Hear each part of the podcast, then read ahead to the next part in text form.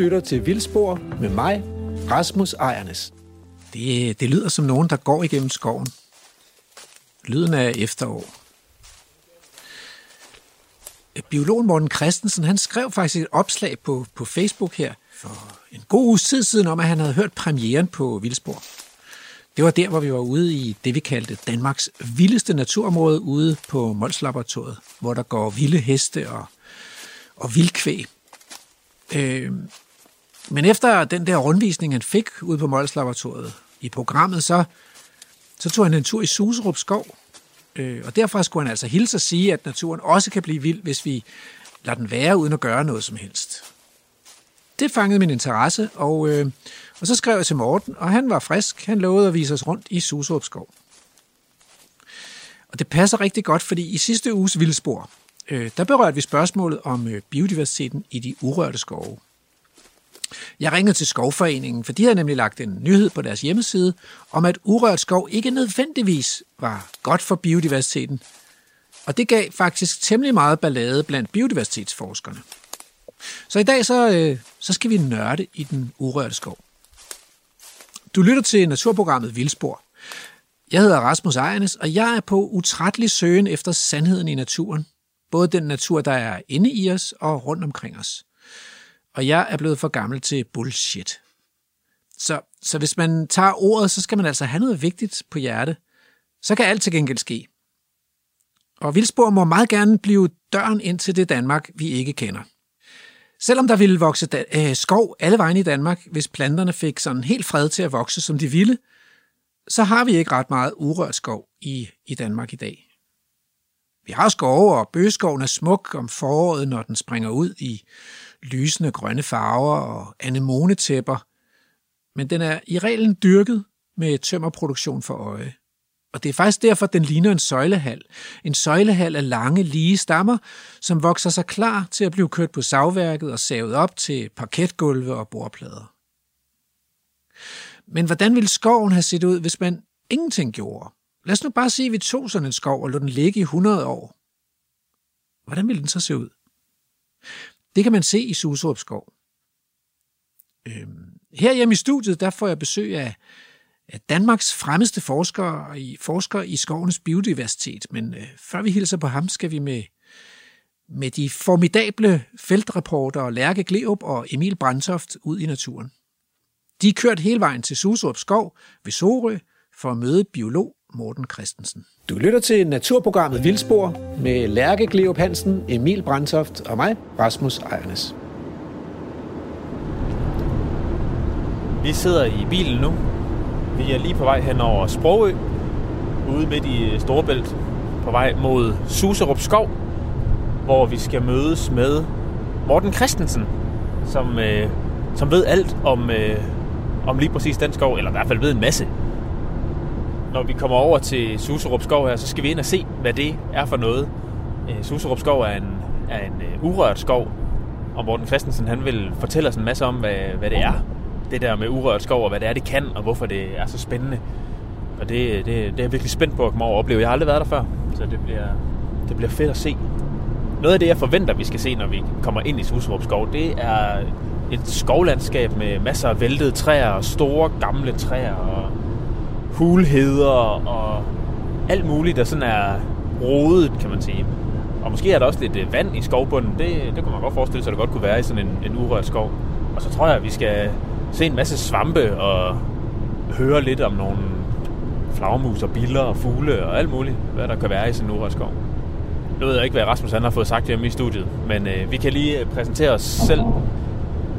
Jeg hedder Emil Brandtoft, fra Naturhistorisk Museum i Aarhus, og ved siden af mig med rettet i hånden sidder Lærke Sofia Gleup fra Folkeuniversitetet.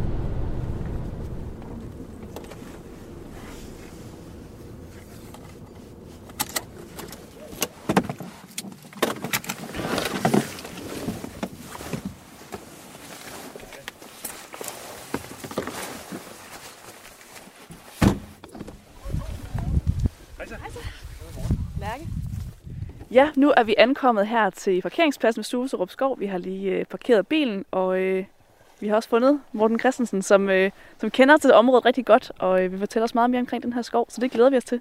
Og hej Morten, velkommen til dig. Ja, hej så, og velkommen til øh, det, man kunne kalde Danmarks vildeste skov. Øh, det er i hvert fald et af de skovområder, der har ligget længst uberørt af menneskehånd. Og øh, det gør jo, at, at skoven er helt speciel, og det håber vi kan komme ind og, og kigge nærmere på. Ja, super spændende. Lad os øh, lige få taget vores ting med og øh, komme afsted. Ja, det bliver mega spændende. Jeg er så spændt på det her, for at komme ind og se den her, den her skov her. Det bliver, det bliver så fedt. Jeg synes, jeg kommenterer på noget allerede nu. Nu står vi her. Vi er gået 20 meter nede fra bilen og er på vej ind i Suserup skov. Og allerede nu, her hvor vi står uden for skoven og kigger ind, kan vi jo se kæmpe store træer og skovbunden er helt fuld af væltede gamle træstammer. Og det, det ser jo helt fremmed ud, hvis man er vant til sådan en almindelig dansk bøgeskov. Så det her er jo noget helt, helt andet. Altså bare det her træ er jo helt fantastisk. Et, øh, jeg ved ikke engang, hvor gammelt det er. Det er jo enormt gammelt. Fuldstændig udhulet. Der er jo sådan helt... Øh, det ligner sådan lidt et gattert husarhus, kan man godt sige. Du kan i hvert fald stå fuldstændig inde i det, Emil. Og øh, ja, der er jo ingen bark tilbage næsten, og det er jo altså, men virkelig, virkelig smukt på samme tid, selvom det jo også er ret dødt at se på. Men der er jo grønt i toppen. Det her træ har været i live indtil for ganske nylig, og det er muligvis stadigvæk lidt i live. Øh, egetræer, som det her jo er, har det der med, at de kan, de kan leve i en, de, en del, og så have en, en, en stor død, død og hul del, hvad hedder, der, der, der hører med. Og de kan stå sådan i, i, i hundredvis af år. Den her er formodentlig en, en, en 400 års tid eller sådan noget. Helt. Man kan virkelig se strukturerne i træet her, alle de her små. Og så er der alle de her mange, mange huller ind i træstammen her, som er der står nogle udgangshuller fra biller, der har levet som larver inde i træet. Eller noget af den stil, der så har boret sig vej ud igennem. Godt træ det her. Det er mig, der er Rasmus Ejerne. Og lige nu er Lærke Gleup Hansen og Emil Brandtoft fra Vildsborg på reportage. Jamen, jamen, jeg tror noget af det, man, man bemærker lige nu, når man kommer ind i skoven, det er, at, at der er selvfølgelig de her meget, meget store træer, og der ligger også nogle døde træer på skovbunden. Men det andet, man så bemærker, det er, at, at, at der er utrolig mange forskellige størrelser af træer ind imellem hinanden. Vi har helt, helt små træer, og vi har kæmpe store træer i en stor blanding. Og hvis man ved en lille smule om træer, så kan man også se, at der er mange forskellige slags. Altså, der står et elmetræ her, vi har et egetræ bagved. Øh, det her står en ahorn, og, og, og vi kan helt sikkert også se en bøg og en ask og en hassel og alt muligt andet. Alt sammen blandet sammen. Så der er en kolossal variation i forhold til sådan en almindelig skov, hvor der typisk er en slags træer i, i samme størrelse øh, på et areal. Det, det, det er fedt at se sådan en skov, hvor der bare ligger døde træer overalt. Altså det er jo virkelig et særsyn, når man, når man sådan færdes i, øh, i alle mulige andre skove. Så, så det der med at se, at der ligger stammer over det hele, og i alle mulige forskellige grader af, af nedbrydning, havde han sagt. Ikke? Nogle er mere friske end andre. Øh, og der står jo, der står en, en død stamme der, sådan et, et dødt træ, der står op, det ser man simpelthen nærmest aldrig. Det er jo, det er jo virkelig spændende. Det er faktisk også noget af det, der er, som vi har fundet ud af. Nu har jeg jo kigget på blandt andet svampe og andre ting, man hedder, at, at, at de der med, at, at der står døde træer, har virkelig været en mangelvare i rigtig mange år i vores skove. Øh, og det er typisk her, at, at, at der ikke bare ligger øh, træer på skovbunden, men der også står sådan nogle træer helt øh, og er døde, og de kan stå sådan en egetræ, som de her, der står her rundt omkring. De kan stå sådan i, i 50 år og være levested for selvfølgelig spætter og fugle, der bor i dem, men også flagermus for eksempel, elsker de her træer, hvor der er store sprækker, hvor de kan klemme sig ind. Men øh, Morten, nu står vi jo her, og vi, øh, vi står allerede og, og jubler os, der ikke har været her før. Det er jo helt fantastisk at se sådan et sted, og, og du kommer her jo også, øh, du kommer her jo tit. Øh, men det kan være, du lige sådan, helt, kan du lige helt kort fortælle, hvad er det egentlig, sådan en urørt skov som det her, det er? Men en urørt skov er jo fascinerende på mange måder, men den er jo fascinerende, fordi at, at, at det ligesom er naturen selv, der bestemmer, hvordan den ser ud. Øh, og, og så er det selvfølgelig også fascinerende, når man, når man er biolog, hvad den hedder, at der er utrolig meget kryb og kravl og, og, og svampe og ting og sager i sådan en skov her. Vi har jo undersøgt svampene gennem mange år, og øh, har fundet næsten 700 arter af svampe på det her lille frimærke af en skov. Og det er jo helt vildt. Altså, øh, at man kan finde så mange organismer inden for så, så lille bitte et areal. Og det er selvfølgelig, fordi det er så varieret, og, og fordi vi har så meget dødt ved, som ligger rundt omkring i skovbunden. Og det er, at de skal sige, at det døde ved, det er jo også de her, netop de døde stammer, der ligger og, og står. Det er både det stående døde ved, og det liggende døde ved, der er vel er vigtigt mm. lige præcis her. Men nu går vi hen af, hvad jeg, hvad jeg tænker er en sti, men det er jo ikke fordi, det sådan er, er meget skarpt afgrænset, som det måske kunne være i en anden skov. Og der ligger simpelthen en, øh, en kæmpe stamme her på tværs. Gør man noget som helst herude? Flytter man sådan noget her på et tidspunkt? Eller? Nej, det, det, det, det gjorde man for 20 år siden faktisk. Der, der havde man en politik med at holde stierne fri. Øh, men det har man opgivet nu. Og i, altså, her i Susrup må man kun gå på stierne. Men stierne flytter sig så hele tiden, øh, fordi de går udenom stammerne og sådan nogle ting. Men, men, øh, men det valgte man at lade være med simpelthen for at, netop at, at få den, den, den rigtige urørthed. Også, også på stierne, så at sige. Men det gør selvfølgelig, det er lidt svært at komme rundt. Især hvis man er gangbesværet, så er det måske ikke den, den nemmeste skov at komme rundt i.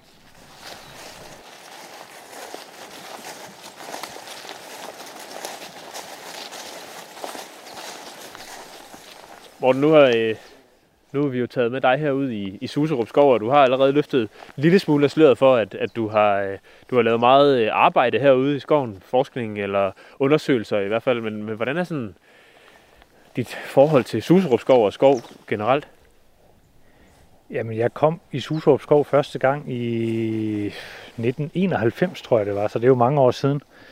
Og, øh, og var så så heldig, at jeg sammen med Jakob Heilmann, som, som nu sidder på Københavns Universitet, fik lov at måle skoven op i 92. Og der gik vi rundt og målte den her Suserup skov op, alle de her 19,2 hektar, og målte de 18.456 træer, der er over 3 cm i diameter. Og øh, det giver selvfølgelig et helt specielt forhold til lige præcis den her skov.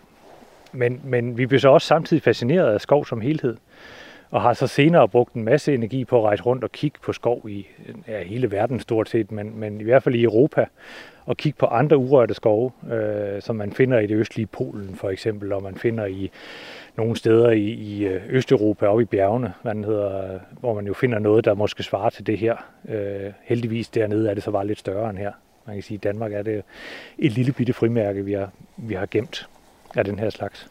Ja, det, det er jo netop ret interessant, fordi hvordan, når vi har sådan et relativt lille frimærke her, hvordan er, hvordan er, er det så sådan set med en, øh, med en, med en, øh, en skov, en skovbiolog, han har sagt, en biologs øjne, sammenlignet med det, man så kan se ude i den store verden?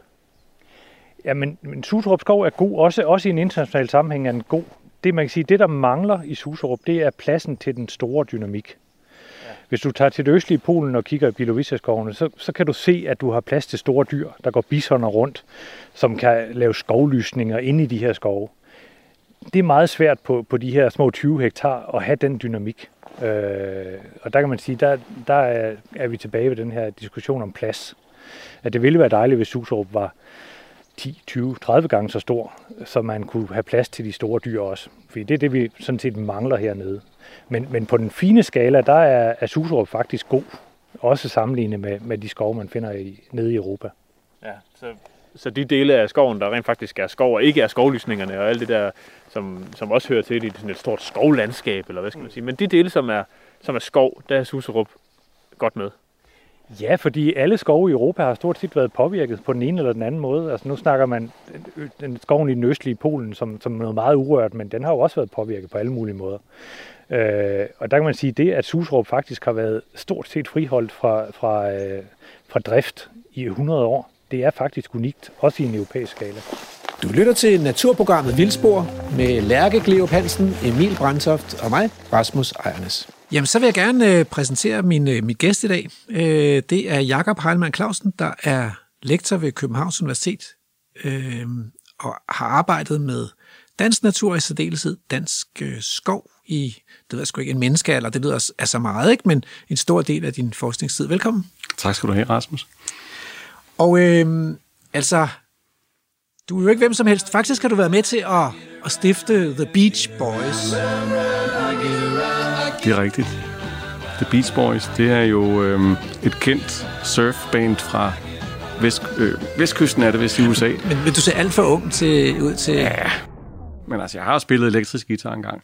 Men det er faktisk ikke det, der er kernen i The Beach Boys. Det er faktisk en, en, en gruppe af, af, af skovnørder. Øh, både forskere og folk, der arbejder lidt mere ude i, i den praktiske naturforvaltning, som øh, på et tidspunkt fandt sammen, fordi vi synes at Bøgeskov var fede. Så, Ah, øhm, beach, det er ikke stranden altså. nej, nej, nej, nej, nej. Øh, nej, det er da netop bøgeskov, bøgedrengene. Bøgeskovsdrengene. Præcis. Det lyder meget uskyldigt. Men vi er også ret uskyldige. og, og, og, og I lavede den her øh, øh, gruppe for at kunne tage sammen ud i, i hele verden eller Europa, eller hvor finder man egentlig de der bøgetræer hen? Altså, det er en udløber af et gammelt øh, EU-projekt, som, øh, som vi var involveret i, nogle af os, øh, og hvor vi havde været rundt og set lidt skove nede i Europa. Altså, det var faktisk, nu har du været i skoven med Morten Christensen, og han var jo med, en af medstifterne, fordi vi, vi var sammen to øh, skoventusiaster, der i vores studenterdage faktisk blev hyret til at til alle træerne nede i Suserup skov. Og siden gik det lidt slag i slag, så fik vi det her EU-projekt, hvor vi skulle kigge på, på, på svampe på bøgestammer i 5-6 europæiske lande. Og, øh, og det var spændende. Altså det var spændende at komme ud og se en større verden med, med, med, med den der faglige briller, man får på, når man pludselig begynder at interessere sig for et, et særligt system, som, som bøgeskoven jo kan betragtes som. Øh, men vi var med på, at vi havde ikke set det bedste. I det her EU-projekt havde vi godt nok været i Slovenien, øh, og der var nogle fede skove, men vi vidste, at de allerbedste skove, dem skulle man nok til, til Slovakiet, eller Ukraine, eller Rumænien for at se. Det var der, der virkelig var bevaret noget, noget vild skovnatur med bøg i Europa. Okay, det er jo et stykke nede i Europa. Øh, så er der, er der trives bøgetræer i hele Europa eller hvad? Ja, i det store hele. Altså, de, de sydligste bøgeskove vokser vist nede på Etna øh, på, på Sicilien, og øh, der er også bøgeskov i et godt stykke ned i Spanien. Altså, men der er vi oppe i bjergene. Så, Ah. så, så bjergskov i Europa, øh, også i Sydeuropa, har, har masser af bøgetræer. Og jeg har simpelthen været øh, 100 km fra Rom i 200 meters højde, i, hvor man kunne kigge på oliventræer og appelsintræer, hvor der også var bøgeskov. Så, så bøgen vokser meget øh, vidt udbredt i Europa, faktisk. Men, men, øh, men så kunne jeg godt tænke mig at høre, hvad er det, der har fået dig... Man, man kan jo forske i alt muligt, ikke? Øh, og, og, og, og hvordan blev det lige til, til, til svampe og, og til skove og, og sådan? Hvad, hvad, hvad førte dig den vej? Det er jo et af de her dybere spørgsmål, som man øh, kan meditere lidt over. Øhm, altså faktisk, øh, altså det lyder lidt paradoxalt, men det var egentlig nok øh, sejlture i, i min barndom, som for alvor åbnede mine øjne for, for skovene, fordi man kunne tro, at jeg, jeg var ret tidligt interesseret i alt muligt med natur, fossiler og øh, mærkelige krystaller og, og orkideer, fugle har jeg også kigget på. På et eller andet tidspunkt, så, så blev det lidt svampende, og så blev det også lidt skovene. Øh, jeg fik altid at vide, hvorfor skal, du skal der være marinbiolog, ikke? Øh, fordi vi sejlede rundt på det her sejlskib og, og fandt sjove øh, dyr i havet, som vi kunne fange med nogle net eller på fiskestænger, eller hvad vi nu gjorde. Men, øh, men, men det spændende var altid at komme i land og se de der skove ude på de der små mærkelige øer, eller øh, nær de danske kyster. Danmark er jo et fantastisk spændende land, fordi vi har så lang en kystlinje, og de fleste tænker ikke så meget på kystskovene. Men, men i virkeligheden sådan noget som, som trælleskov, som vokser på det her plastiske ler, som skrider ned mod havet. Ikke? Det er sgu ret unikt i verdenssammenhæng at, at have den der bøg, der spejler sin top i, i, i bølgen blå og, og giver plads til noget biodiversitet, som, mm. som man ikke finder inde i landet. Så Det er faktisk, at jeg hader simpelthen at sejle. Jeg begynder at kede mig, og jeg bliver måske også en lille smule angst, da jeg kommer ud på havet. Men til gengæld, så må man jo indrømme, at Danmark er ufattelig smukt set ude fra havet, fordi så ser man jo kysterne. det gør man Og nemlig. og det er en fantastisk natur, vi har. Ja. Øhm, okay, men hvorfor så svampe? Altså man kan jo studere, du kunne også have studeret øh, spætter, eller øh, mosser, eller øh, træer, eller noget andet i skoven. Hmm, ja, øhm, det gør jeg jo også i stigende grad. Altså, jeg, jo, jeg prøver jo at brede mig ud og, og, og forstå alle de andre organismer, men øh, svampene er ganske rigtigt øh, mit udgangspunkt. Øh, og det blev det ret tidligt. Øh, måske. Altså jeg faktisk huske ikke, at øh, da du skulle starte på universitetet, der havde du lidt et problem, fordi du har gået på Rudolf Steiner skole. Ja. Må jeg godt sige. Og, øh, og så har man ikke fået de der orden i de der papirer, sådan som man skal have orden i papirerne. Øhm, til gengæld, hvis jeg ikke husker galt, så havde du været på Samsø, og så havde du lavet feltstudier af vokshatte, og havde malet akvareller af de der vokshatte. Ja. Og det blev sådan en slags øh, adgangsbillet til en universitetsverden, eller er det bare mig, der pynter på historien? Det var en del af historien. Øh, Jeg havde lavet den her årsopgave, som det hedder, på Olaf Steiner skolen, hvor jeg ikke bare havde studeret de her vokshatte, men også øh, lavet små akvareller af dem og den slags, som man nu gør på en, en, en, en kreativ skole, som, som Steiner-skolen jo er. Øhm, men siden kom jeg så også ind og var militærnægter øh, i Naturstyrelsen øh, i sådan en, en periode, og, og, og i forlængelse af det blev jeg faktisk netop hyret til at, at kortlægge svampe i, i Suserup skov, og, og det var nok mere der, hvor jeg kunne vise noget fagligt tyngde. Altså det ikke kun var den her årsopgave, som var skrevet i hånden, øh, men at jeg faktisk også lavede en rapport for Naturstyrelsen om, om nogle af de, de opgaver, jeg løste. Så der var flere elementer i det. Ja.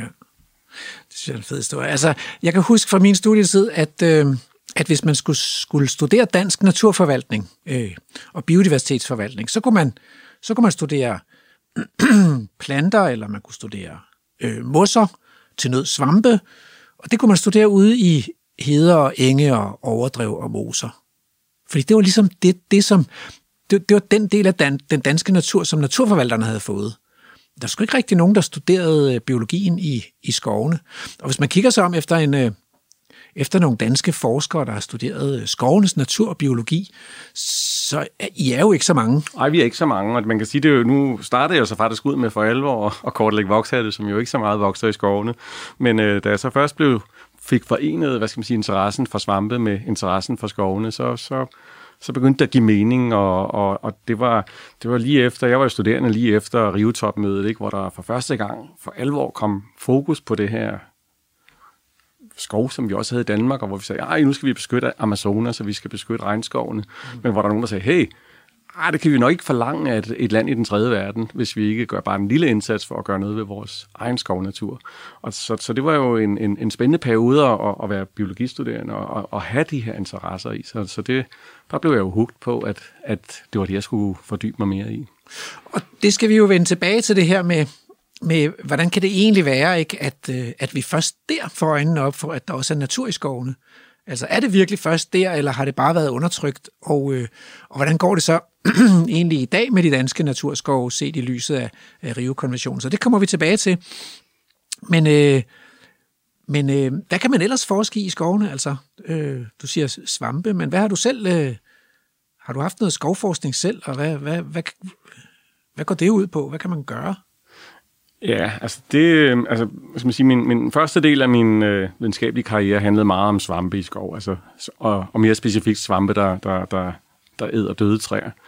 Jeg arbejder også mere groft med, hvad skal man sige, skovdynamik. Altså, hvad, hvad, hvordan udvikler en skov sig, hvis vi ikke piller ved den? Hvad er det for nogle dynamikker, der gør, at der kommer nye træer op, og, og nogle andre falder om og, og, og dør? Det tager det ikke mega lang tid, altså?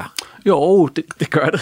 Det er også derfor, det er så spændende at komme rundt og se skov andre steder i, i verden, ikke? Fordi vi har jo, vi har jo hånden på hjertet, ikke vilde skovnatur i, i Danmark. Der skal man altså ned nogle steder. Og selv, selv når man kommer ned i, i Slovakiet, så står man der og tænker, kan vide, hvor meget mennesket alligevel har spillet en rolle her. Ikke? Men, men det er trods alt store landskaber, som i hvert fald i mange hundrede år har, har udviklet sig spontant.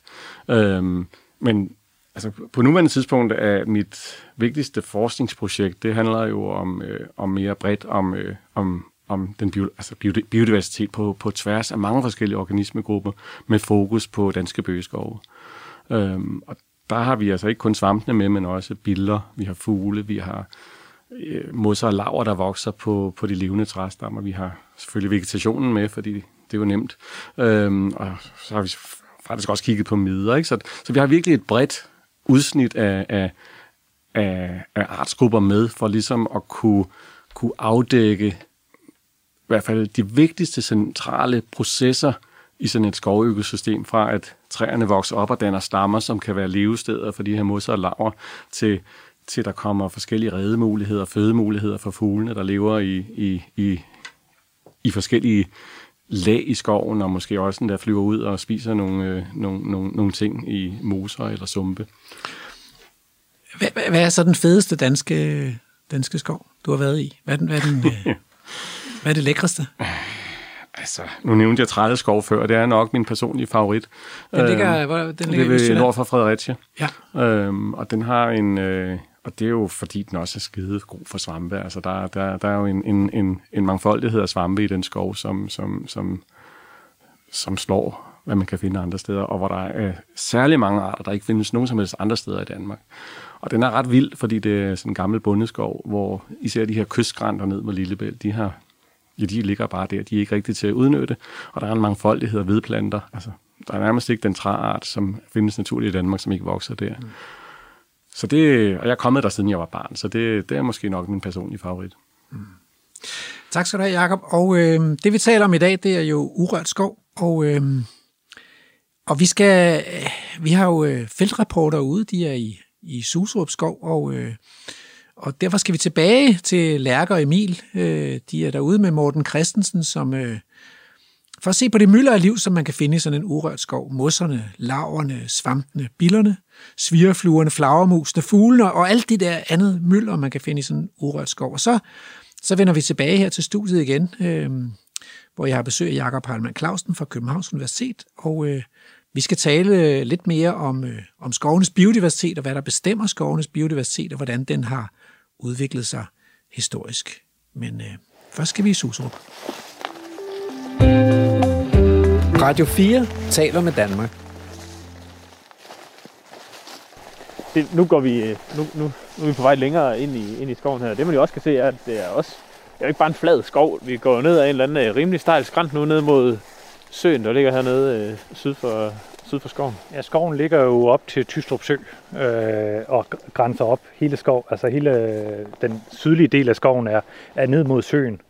Og dernede er der faktisk nogle rigtig spændende sådan kildevæld, der vælter ud, og, og man har øh, nogle, en spændende flora for eksempel også nede i det område der. Øh, så det gør selvfølgelig også, at skoven på den side er beskyttet med en, med en form for naturlig afgrænsning, hvor den på de andre sider jo har været skåret af af noget landbrugsland oprindeligt i hvert fald.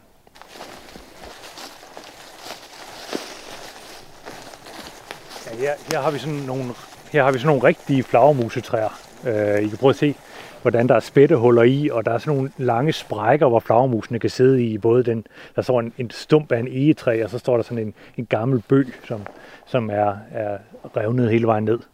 Og det elsker flagermusene, og vi har også, jeg tror vi har syv arter af flagermus i, i skoven her, som, som øh, inklusive den, der hedder frønseflagermus, som er, er sådan en rigtig skovart. Så, øh, så det kan flagermusene godt lide, de stå, stående døde træer. De skal bruge nogle skjulesteder, øh, og, og de skal jo komme, sidde nogle skjulesteder, hvor mor og kat og sådan noget ikke kan få fat i dem. Og der er sådan en, en sprække, man kan klemme sig ind i, hvor der kun lige er en, en, en centimeter eller to. Det er simpelthen perfekt. Øh, så, så, så det er det, de skal bruge.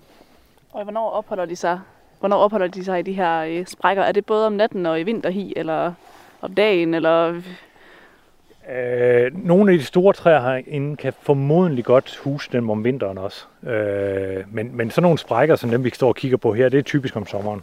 Øh, hvor de bare lige skal ind og, og, og være i, i ly for dagen, så at sige. Så sidder de dagen om dagen, og så når, når det bliver mørkt, så flyver de ud. Og der er, når man er ude og lytte flagermus hernede i Suserup, så er der simpelthen en mylder af flagermus. Så det er også et, et, et vigtigt flagermussted. Hov, der kommer en rovfugl deroppe. Formodentlig en musvåge. Du lytter til naturprogrammet Vildspor med Lærke Gleup Hansen, Emil Brandsoft og mig, Rasmus Ejernes. Øh, sådan et af de, øh, som, som det her træ, Morten, med de her øh, sprækker til flagermusen og sådan noget. Hvor længe har det stået som et, øh, som et dødt træ? Jamen det her det er et bøgetræ, hvad den hedder, og de, de, kan stå, de kan typisk måske stå op til en 20 år cirka. Øh, så jeg kunne forestille mig, at den der kunne være en af de træer, som døde i forbindelse med stormen i 99, som så stadigvæk står her.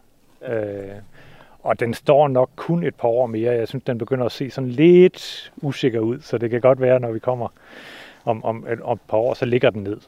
Øh, men så er den til gengæld god for en masse andre ting, når den kommer ned og ligge, kan man sige. Ja, hvordan, hvordan ser man, at sådan et træ er ved at, at være færdigt med at være stående dødt ved, og, og snart lægger sig ned? Hvilke tegn kigger du efter? Man stikker sine små fingre ind i det, og så kan man mærke, at det er ved at være godt blødt. ja. øh, der, er en masse, der er en masse svampe, der er inde og spise af det. Altså, der sidder en, en, en uh, hjelmhat her, men, men, men der er sikkert også nogle andre svampe, der spiser af det. Øh, og så på et eller andet tidspunkt, så, så, så har det simpelthen ikke styrke nok til, at det kan stå. Og så lægger det sig ned. Øh, en, gerne i forbindelse med en storm eller et eller andet. Og sådan en bænkebider, der gemmer sig herinde. Hey. Og. Så var også en natsværmer, der måske har sat sig til overvintring der. Den fik jeg lige mest. Nej, den var bestået i forvejen, tror jeg. Den ser lidt gammel ud. Men, men egetræerne, der, som, hvor der står en heroppe bagved, den er, den er meget ældre. Altså allerede da jeg kom i skoven for 30 år siden, der stod de her træer, kan jeg huske. Og så sådan der ud. Så, så egetræer kan jo stå, altså egetræ er jo noget af det mest, øh, hvad hedder, øh, holdbare, vi har overhovedet. Og, og, og, og sådan nogle stumper af e, der står på den her måde, hvor de, hvor de er godt tørre og ikke bliver fugtige, de, øh, de kan stå i formodentlig næsten 100 år og se ud på den måde der. Og være gode for alle de her levende organismer, som bor inde i dem. Ja, det er godt nok helt imponerende, at sådan et træ det kan stå i, i 100 år på den måde. Det synes jeg er helt vildt. Mm. Ja.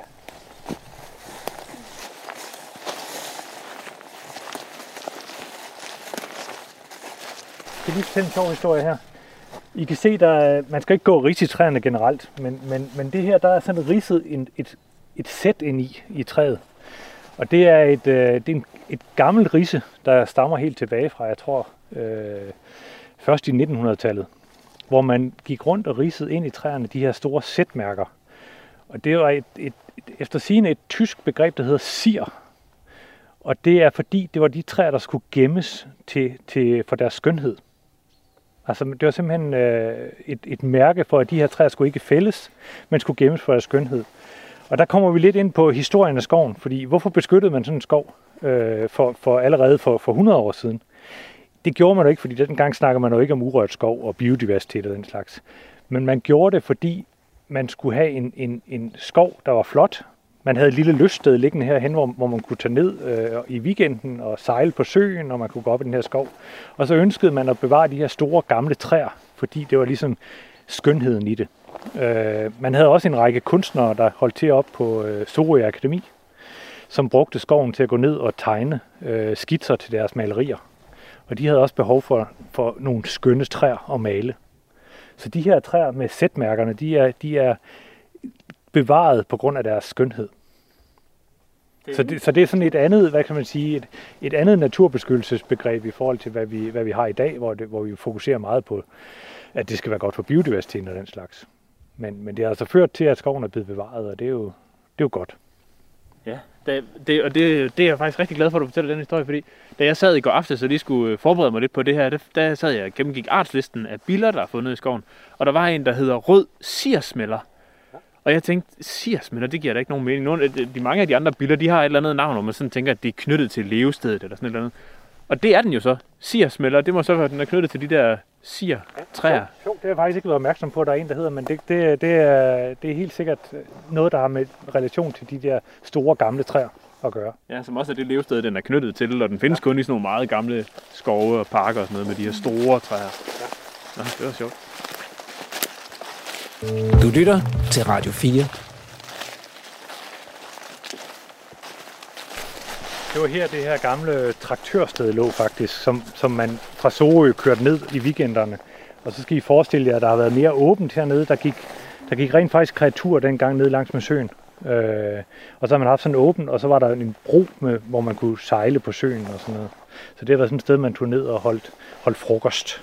Øh, der i, i starten af, af 1900-tallet. Lige her, hvor vi står, er der også øh, noget, der ligner ruinen af et, af et plankebord. Er det man også fra øh, et levn fra traktørstedet? Nej, jeg tror, det er efterfølgende. Det, rent faktisk, da vi kom i og målte skoven op i 92, der stod bordet der stadigvæk. Og vi sad tit her og spiste frokost, kan jeg huske. Men nu er der altså væltet. Det, det er et bord, der er lavet ud af en lang, meget bred øh, egeplanke nærmest. Sådan en stamme, der er skåret på langs. Og øh, nu kan man godt se, at det, øh, det er ved at være lidt, lidt slidt. Det er sådan øh, helt mørkt, og der er huller i, og, og, øh, men det, det er virkelig, det er faktisk ret flot.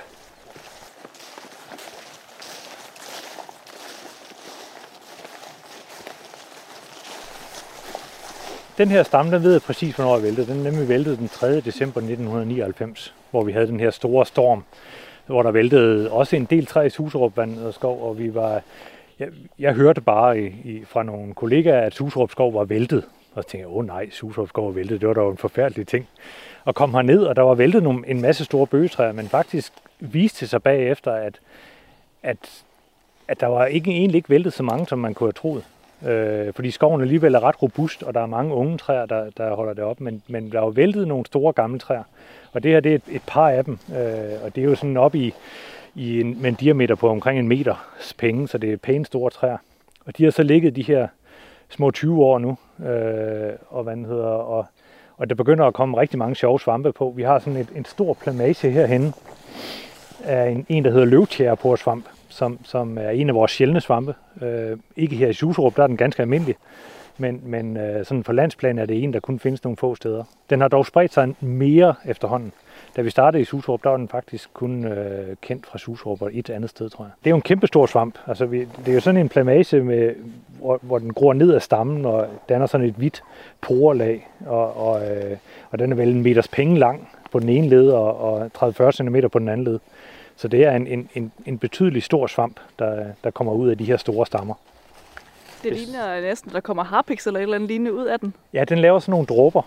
Den laver sådan nogle dråber, og den udskiller. Det er meget typisk for den. Men hele, hele nedbrydningen af sådan en stamme er jo, øh, der er jo involveret ufattelig mange forskellige svampe. Altså vi har jo undersøgt mange af de her bøgestammer hernede, og nogle af dem, der kan vi på sådan en enkelt stamme finde 70 arter af forskellige svampe. Og de udfylder allerede, alle sammen forskellige nischer i den der nedbrydning. Øh, sådan en stamme er jo lavet af, af, af noget lignin og nogle, nogle forskellige cellulosestoffer.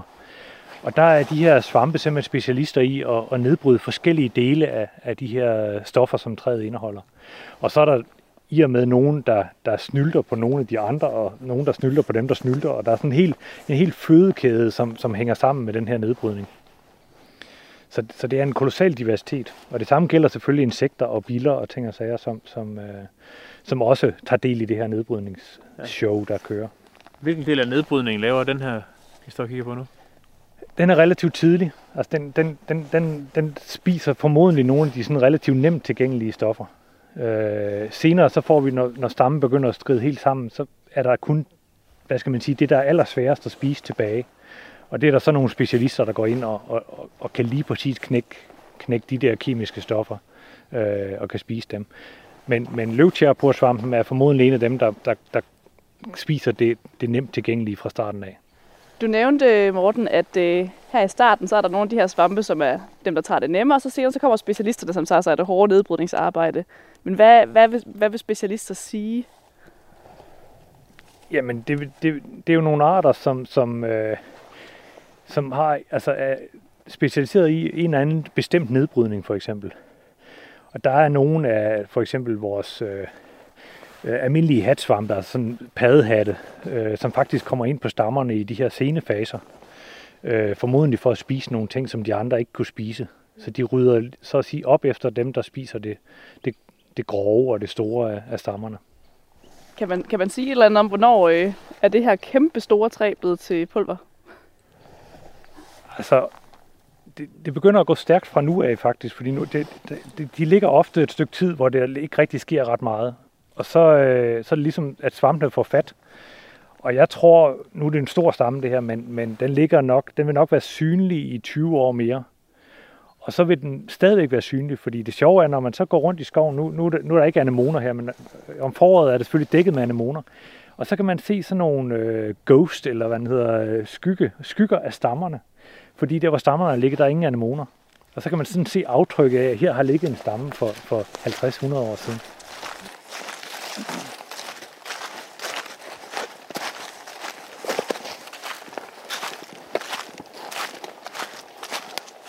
Det er mig, der er Rasmus Ejerne, og lige nu er Lærke Gleo Hansen og Emil Brandtoft fra Vildspor på reportage.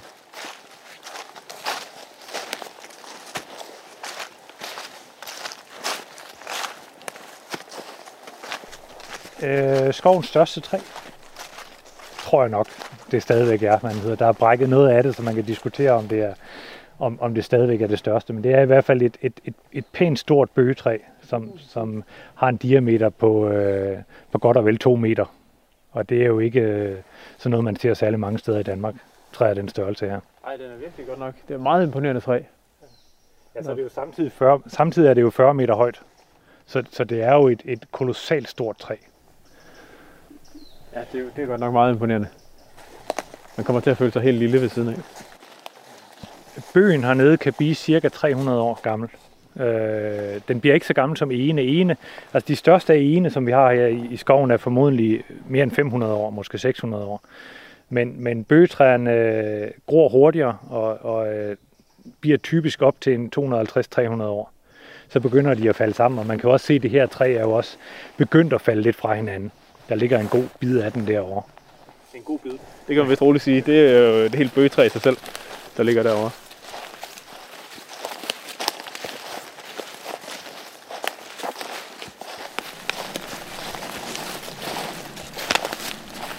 Det er et sjovt eksempel på nogle, en anden type svampe, som kommer ind her. Det er en stjernebold, som gror på det her, det her smulder af de døde træer. Den ser funky ud. Ja. Så det kan den altså også godt lide. Jamen, den, øh, ja, stjernebold er jo egentlig et meget passende navn for det. Det ligner jo virkelig, at, øh, at den ligesom bare har åbnet sig. Det er sådan lidt kinderæg på en eller anden måde. Der er sådan en overraskelse indeni. Så den bare foldet Ligner sig det ud næsten. sådan med, som sådan en stjerne, der åbner sig. Åh, oh, så er det sådan en støvbold inde i en midten. støvbold her. Ja, der er en lille Ja, ja, støvbold inde i midten, og så ligger der sådan ligesom krænget det øverste, eller det yderste af, af, af støvbolden af op, og så stillet sig op på sådan nogle små ben. Morten, nu har, vi, nu har vi gået rundt og set en masse af, af skoven her, det, og vi har set nogle svampe, nogle virkelig sjove svampe, og vi har snakket om øh, flagermusene i træerne og sådan noget, men og vi har snakket om alle mulige forskellige arter af træer og forskellige alger og sådan noget. Men hvad med alle de planter, der ikke er træer? Hvordan har de det i sådan en urørt skov? Ja, nu er det jo en, en lidt svært årstid her om efteråret at se ret meget. Altså, Ja, vi, vi kan se nogle skovmærker og lidt bengelurt og, og, og lidt guldnælle her lige hvor vi står. Men, men øh, men hvis man kommer herned på en forårsdag, så er der faktisk en fantastisk veludviklet forårsflora. Øh, noget af det flotteste, man kan finde i Danmark. Med, med øh, to slags lærkespor og tre slags guldstjerner og alle anemonerne, altså både blå anemoner, gul anemoner og hvid anemone i sådan nogle mosaikker. Så det er et meget flot sted at komme sådan i starten af maj eller slutningen af april, hvor det virkelig øh, er, er floraen, der, der dominerer. På, på, altså det meste af sommeren er der selvfølgelig mørkt inde i, i store dele af skoven, og der er ikke så pokkers meget at komme efter. Der, hvor man så finder de sjove ting her i Suserup skov, det er så nede langs med søen, hvor vi står her nu, hvor man har nogle, nogle, øh, nogle kildevæld og nogle ting, hvor der, hvor der kommer nogle hullæber og nogle øh, hvad hedder, forskellige andre planter ind, øh, som, som, som også er, er sjove. Ja. Men, men, men selve skoven om sommeren, og, og også på den årstid, vi er nu, den er, den er relativt mørk, og med ikke ret meget flora. Ja, sådan er det jo med, når der bliver lukket af for kronelaget. Ikke? Alle bladene, træerne springer ud, og der er blade, der tager sollys. Ikke? Men, men lærkesporene om foråret er sådan nogle helt lyserøde blomster, og i det der mosaik med hvide anemoner, og gule anemoner og blå anemoner og sådan noget, det, det er jo virkelig... Ja. Og orkiderende hullæberne nede i, øh, i kildevælden og sådan noget, det lyder ret fantastisk. Så det er jo ikke, altså det, det er jo ikke en femstjernet botanisk lokalitet, kan man sige. Men, men, men den rummer alligevel en, en, en særdeles veludviklet skovbundsflora. Øh, og så rummer den det her, det her liv nede omkring øh, søen, hvor man har nogle, det naturlige skovbryn ud mod søen og, og de her kildevæld. Nu har vi øh, været rundt her i skoven, og vi har set rigtig mange spændende arter, både øh, inden for svampeverdenen, og vi har set alle de her mange forskellige træer. Nu øh, sender vi lige bolden tilbage til, til Rasmus i studiet, så kan han øh, snakke lidt videre om det her urørte skov sammen med sin gæst, og så øh, bevæger vi os videre til noget lidt andet og vender tilbage igen lidt senere. Du lytter til Radio 4. Så er vi tilbage i, øh, i laboratoriet her igen, og øh, jeg har besøg af Jakob Heilmann Clausen, lektor ved Københavns Universitet og ekspert i skovenes biodiversitet. Og Jakob, nu kunne jeg godt tænke mig at læse et lille stykke op for dig om skove, skrevet af en, øh, en øh, professor i zoologi. Og han skriver følgende.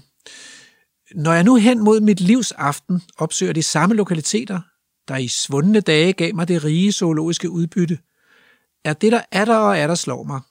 Hvor er nu til dags hin rige fauna fra min ungdoms skove? Særligt løvskovens insektfauna henne. Jeg ser næsten intet til den. Jeg har spurgt mig selv, er det dig, der er blevet blind og døv? Jeg har spurgt mine kolleger, der ligesom jeg i vor ungdom færdedes næsten dagligt i skovene, samt fået vores bedste samlere til at gå terrænet efter. Resultatet var altid det samme. Løvskovsfagnagens afgjorte tilbagegang. At gå i detaljer her er umuligt. Hvad jeg kan give er kun en lille redegørelse af, hvorfor dette må være således, samt kort anvise de veje, vi må følge, hvis vi til vores efterkommere vil bevare store dele af den lavere fauna, der utvivlsomt her i landet nu trues med undergang. Og jeg kan afsløre, at det er skrevet af Carl Wesenberg Lund i 1939. Og det er jo interessant, ikke, at det er skrevet for så mange år siden. Ikke? Vi, det er vi 80 år øh, tilbage, fordi der er jo meget bekymring i dag om, om, om tabet af insekterne, at insekterne er ved at forsvinde øh, og der er ikke noget, der smatter ud på forruderne af bilerne længere, og bekymring for, om verden er ved at gå under. Og, øh, og, øh, og jeg tror, der er mange, der forestiller sig, at det må være, det må være pesticiderne, der tager livet af insekterne, eller, eller 5G-netværket, eller et eller andet. Ikke? Men der var jo ikke noget af alt det her moderne dengang i 1939, hvor Carl Wesenberg siger, at, at de store insekter ikke, og, øh, er, er ved at forsvinde. Øh, og når han, når han taler om den lavere fauna i skoven, kan du så, kan du så sige noget om, hvad, hvad er det så, vi tænker på? Eller hvad var det, han tænkte på? Vil du tro, altså? Ja, men øh, det, er jo, det er jo tydeligt, at, at Wiesenberg her snakker om insekter. Mm. Insekter, der flyver rundt i øh, besøger blomstrende hvidtjørn og, og, og i hele taget flyver rundt i de her skovlysninger, som der nok var lidt flere af dengang, og som måske opsøgte øh, huletræer og den slags. Jeg tror, altså jeg er egentlig lidt overrasket. Altså man kan, altså den udvikling, han beskriver, øh, er jo et nedslag mm. i, en, øh, i en udvikling, som stadigvæk pågår, hvor arter forsvinder øh, i kraft af det, man ofte kalder forsinket uddøen. Vi har også arter, der har overlevet i, i vores skove, selvom der er ikke mere levesteder til, den, øh, til dem. Og, og det er jo en udvikling, der startede... Ja, hvornår præcis den startede, er jo svært at vide, ikke? Men, men, men, men, øh, men vi nåede et skovminimum øh, omkring år 1805, hvor man indfredede skovene. Øh, og de skove, man... Man, man indfredede skovene, det kommer du lige til at forklare. Ja, men, men, men indtil, indtil den tid havde man jo haft en lidt mere, hvad skal man sige, lempelig omgang med, med, med, med, med landskabet. Øh, men det var ikke opdelt i øh, landbrugsland og det, vi i dag kalder lysåben natur og skov. Øh, der var en meget mere, hvad skal man sige, øh, dynamisk udnyttelse af, af hele landskabet, hvor man havde græsne dyr, som fik lov til at gå ud i skovene. Man havde træer, der stod spredt i, i land, landbrugslandskabet, og, og, og så nogle gange så dyrkede man måske lige kartofler øh, inde i en skovlysning i et par år. Øh, så, så, så de der forskellige arealanvendelser, som vi i dag har, har frosset fast i, øh, i, i vores riddersportlandskab, øh, var ikke frosset fast på det, det, det, det tidspunkt. Øh, Kvadratisk praktisk godt. Præcis. Ja. Øhm, så det var jo, øh, den her indfredning af skovene var jo en del af, af, af, en, af nogle meget om, omfattende reformer af hele samfundet, øh, som også handlede om stavnsbåndets ophævelse og udflytningen af landsbyerne og alt det her.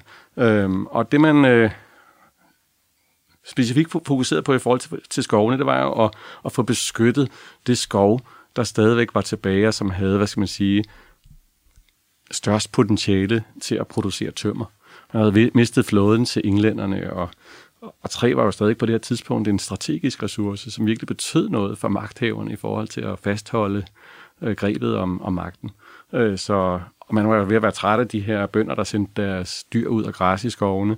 Øhm, og, og der var også reelt tale om et, øh, et stadig svindende skovareal, fordi der måske var en, en overudnyttelse af naturressourcen. Så man havde nogle skove, der var vi ved ikke præcis, hvordan de så ud. Vi kan få en lidt indblik fra nogle af guldaldermalerierne, at det var nogle, nogle ret maleriske landskaber med, med, med træer, der stod mere spredt, øh, med mindre rette stammer, end vi, vi ser i dag, med, med masser af lysåbne klitter inde i skovene. Det, det, det er jo ret morsomt, ikke, at man dengang tænkte, at at nu skulle vi til at have gang i nogle egetræer, så vi kunne bygge en flåde. Så gik der 200 år med de der egetræer blev store, og så stod man i år 2005. Altså, ja. Øh, der ser krigsskib jo lidt anderledes ud, end det gjorde i år 1805. Øhm, men, øh, men på den måde har skoven jo god tid sammenlignet med, med det der hastigt fremadskridende samfund. Så det du siger, det er, at indfredning af skovning var altså, indfredningen af skovene var altså noget med ligesom at få det skarpe skæld, som vi kender i dag, etableret altså, så man er ikke i tvivl om, hvornår man er i en skov, og hvornår man er ude på en mark.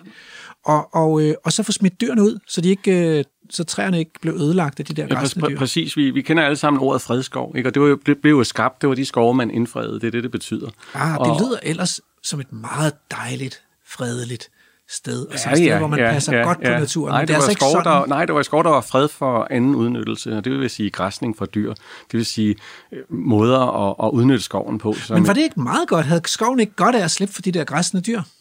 Øh, det kommer an på, hvordan man betragter systemet. Øhm, Jamen, hvordan betragter du systemet? Altså, hvad tænker du? altså, man gjorde det jo for at sikre en, en, en vedproduktion. Så man, øh, man fandt de her skove, fik dem øh, indgæret, så man kunne holde dyrene ude. Øhm, det var og så øhm, sørgede man for, at hvis der var lysninger derinde, hvis der var moser, man stadigvæk kunne dræne, nogle af dem var jo allerede drænet, så, så fik man dem drænet og tilplantet, så man havde nogle gode produktive enheder, hvor, hvor, hvor, der ikke, altså, hvor fokus virkelig var på at producere noget tømmer. Og man, øh, tidligere havde det jo været en, en produktionsværdi at have nogle, nogle store bredkronede eg- og bøgetræer, som kunne producere øh, bog og æren til de her øh, køer og svin og andre husdyr, der skulle gå derude, de var jo lige pludselig uinteressante. Så man kan se beskrivelser fra samtiden, hvor man siger, at de her skove, de er, jo, de er jo fyldt med træer af meget ringe kvalitet. Øh, og, øh, og når man siger ringe kvalitet, så er det jo som tømmerproducenter, men ikke som øh, levesteder for biodiversitet. Så jeg ser nogle skove for mig, som egentlig var ret rige på levesteder. Og, øh, og så begyndte man den her lange transformation frem til de moderne effektive produktionsmaskiner, vi har i dag, hvor man gradvist fjernede øh, alt det, der ikke havde en nytteværdi øh, for menneskets interesser. Og det er jo der, hvor vi så kommer frem til Carl Wesenberg Lund og 1939, for Præcis. der har man været i gang ikke, i, i mere end 100 år med at få sat skik på skoven. Ja. Og det, det, det er lykkedes så godt nu, at de der store biller, og hvad der nu ellers er af store insekter i sådan en skov, de simpelthen har mistet deres levested. Jeg synes, det er ret vildt, ikke? fordi jeg kan godt huske, at jeg hørte det der citat første gang, så tænkte gud, tænk, at han i en menneskealder over 100 år efter indfredningen af skovene stadigvæk kunne iagtage den her tab. så markante ja. tab af arter. Øh, og, og det er jo nok det, vi stadigvæk ser nogle rester af, når vi ser, at øh, de dagsommerfugle, der er knyttet til, til, til skovlysningerne, er nogle af dem, der enten er forsvundet eller stadigvæk forsvinder. Mm. Så det er en proces, der stadigvæk foregår. Mm. Sig mig, hvad, hvad hvis man så spoler tiden endnu længere tilbage, og så siger man, vi skal tilbage til urskoven i Danmark for, og jeg ved sgu ikke, hvor langt man skal tilbage, men lad os nu bare sige for 6.000 år siden, altså. Der, før, der var mange lindetræer, ikke? Jo, men det er rigtigt. Altså før, hvad skal man sige, det moderne, eller ikke det moderne, men, før ærdyrkningen. Før landbruget tog fart. Ja, før ja. landbruget tog fart, hvor man nok øh, havde mennesker i Danmark, som påvirkede landskabet, men, men som jæger og som samlere. Jæger samlere. De har helt klart fremmet nogle arter. Altså man kan jo for eksempel se, at, at hasler Altså, der var virkelig meget hassel i, i nogle af de tidlige skove. Øh, og det er jo nok ikke tilfældigt. Det var nok en art, som man synes var lidt federe at have end, end, end, end visse andre arter, fordi man kunne spise de der nødder. Mm. Øh, men, men hvis vi ser bort fra det, så, så har det jo kun været en del af landskabet, der er blevet, blevet påvirket, og vi har haft en, en, et, et skovlandskab, som altså, jeg, vil give, øh, jeg vil give meget for at kunne lave den der tidsmaskine, som kunne se, hvordan det så ud. Øh, jeg har nogle billeder på nethen, men, men hvor rigtigt de er, er jo svært at sige. Øh, men, men, men, men nu sagde du før, at, at der ville vokse træer overalt i Danmark, hvis vi ikke havde Altså hvis vi bare lod det være. Øh, og det tror jeg ikke er et korrekt billede.